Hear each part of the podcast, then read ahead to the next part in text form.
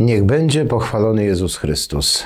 Kończy się okres zwykły i teraz już w zasadzie przygotowujemy się, moi kochani, na spotkanie ze Słowem Bożym w Środę Popielcową i w ogóle na Środę Popielcową, na przeżycie tego wyjątkowego dnia, który rozpoczyna okres Wielkiego Postu.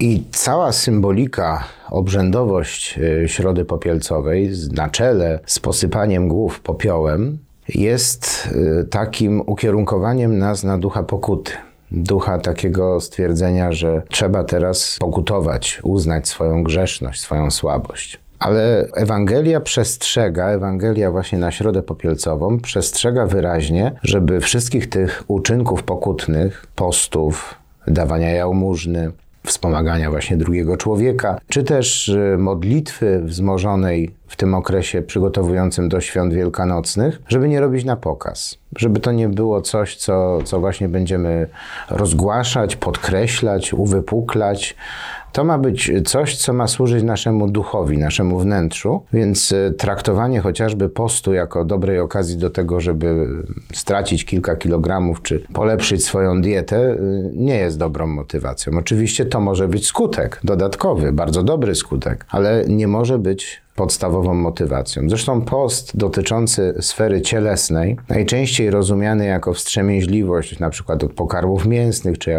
od określonych jakichś innych napojów, czy, czy jakiegokolwiek pożywienia, e, zawsze wiąże się z pułapką tego, że będzie instrumentalizowany. Gdy tymczasem trzeba zwrócić uwagę na to, że najskuteczniejsze duchowo są posty dotyczące naszego wnętrza, czyli praca nad sobą w wymiarze wewnętrznym związana z ograniczaniem czegoś, co niekoniecznie e, musimy e, za każdym razem praktykować. Często spotykamy się z tym, że na przykład w ramach postu powinniśmy sobie odmawiać na przykład, nie wiem, trochę mniej godzin korzystać z internetu. Jak ktoś lubi grać w gry komputerowe, to żeby to ograniczyć albo żeby zrezygnować częściowo z oglądania telewizji w okresie Wielkiego Postu. Oczywiście, no, każda, każda metoda może być dobra, ale bardzo ważne jest, żebyśmy zrozumieli jedną rzecz. Jeżeli ktoś pali papierosy, co jest rzeczą obiektywnie złą, i z której należy się spowiadać, bo to jest występek przeciwko piątemu przekazaniu nie zabijaj, czyli na przykład nie zabijaj samego siebie, to nie jest żadnym postem, jeśli sobie powiem, że na Wielki Post rzucę palenie albo że je ograniczę. Bo post musi dotyczyć ograniczenia się w czymś, co jest godziwe i dobre, a co sobie ze względu na pewną dyscyplinę duchową chce odmówić. To żebyśmy bardzo dobrze rozumieli.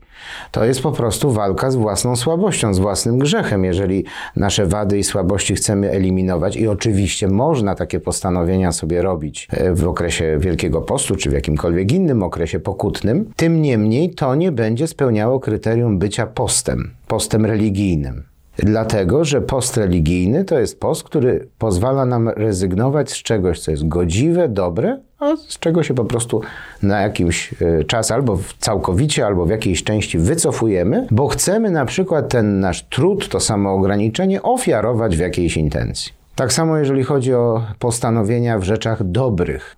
Czyli w postanowieniach nie, że ja sobie czegoś odmawiam, ale że czegoś będę pilnował, czegoś w moim życiu będzie więcej, na przykład modlitwy. Na przykład udziału we mszy świętej w dni powszednie, gdzie takiego obowiązku nie mam, ale sobie mogę postanowić, że w okresie Wielkiego Postu przynajmniej raz w tygodniu sobie na tą mszę świętą w dzień powszedni przyjdę i będę w niej uczestniczył. To znów, to jest coś, co e, musi prowadzić do zmian wewnętrznych to jest rzeczywistość, nad którą warto pracować, warto sobie to rozwijać, te sfery, ale to nie może być na zasadzie pewnej przesady i obnoszenia się z tym. To niech pozostanie w rzeczywistości tego modlitewnego spotkania duchowego w izdebce, o którym mówi Ewangelia, w zakresie własnego domu i w spotkania twarzą twarz z Bogiem. Tak samo może być postanowienie, na przykład, y, w którym pomocne są tego rodzaju publikacje, którą ostatnio tutaj się posługuje, na przykład Ewangelia Słowo na każdy dzień, y, gdzie mamy rzeczywiście na każdy dzień prezentowaną Ewangelię z jakimś krótkim komentarzem autorów y, tej publikacji i można sobie postanowić, że na przykład w okresie Wielkiego Postu sobie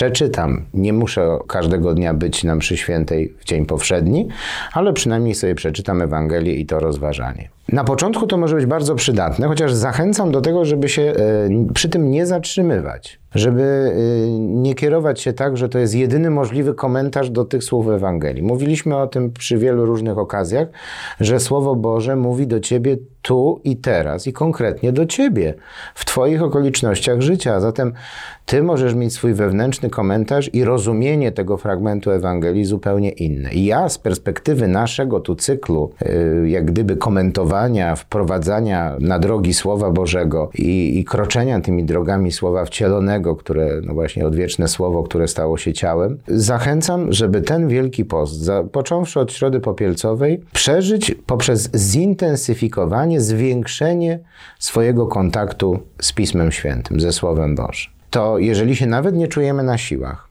to znajdziemy wiele różnych publikacji, czy w internecie, czy, czy w jakichś fachowych publikacjach książkowych, czy czasopismach, które będą nam proponowały różne spojrzenia, ale też tu nie chodzi o taki komentarz już personalizowany, ale też o zrozumienie, dokładnie sensu tego tekstu, który czytamy, w odniesieniu do historii, archeologii, w odniesieniu do tradycji kulturowej, która towarzyszyła powstaniu danego tekstu. To jest bardzo ważne dla zrozumienia również intencji autora natchnionego, który chciał coś przekazać, czasami używając słów, które już dzisiaj no, są nieużywane które y, są gdzieś pomijane, są takimi archaizmami i których znaczenie musimy zrozumieć, co to słowo oznaczało wtedy. Wtedy będę rozumiał, jakie przesłanie tego tekstu jest dla mnie dziś. I oczywiście, że tłumacze Pisma Świętego, są różne wydania Pisma Świętego, różne tłumaczenia, e, starają się odzwierciedlić z jednej strony ten sens pierwotny, z drugiej strony jak najbardziej uwspółcześnić ten język, żeby był zrozumiały dla, e, dla ludzi, którzy żyją dzisiaj, ale to zrozumienie właśnie tych wszystkich okoliczności, w których powstawał dany fragment Słowa Bożego, jest kluczowe jest naprawdę kluczowy. I tutaj jest bardzo ważny też element tej Ewangelii na środę popielcową, że jak gdyby oni już otrzymują swoją zapłatę, czyli ci, którzy się chwalą, którzy się chętnie modlą w miejscach publicznych, zwracają na siebie uwagę, oni już otrzymują swoją zapłatę, bo co tak naprawdę jest dla nich tą zapłatą? Ludzkie uznanie, podziw, jacy oni pobożni, jacy oni doskonali, jak fantastycznie poszczą, jak, jak się umartwiają niezwykle. A zapłata ma być spodziewana tylko i wyłącznie od Boga.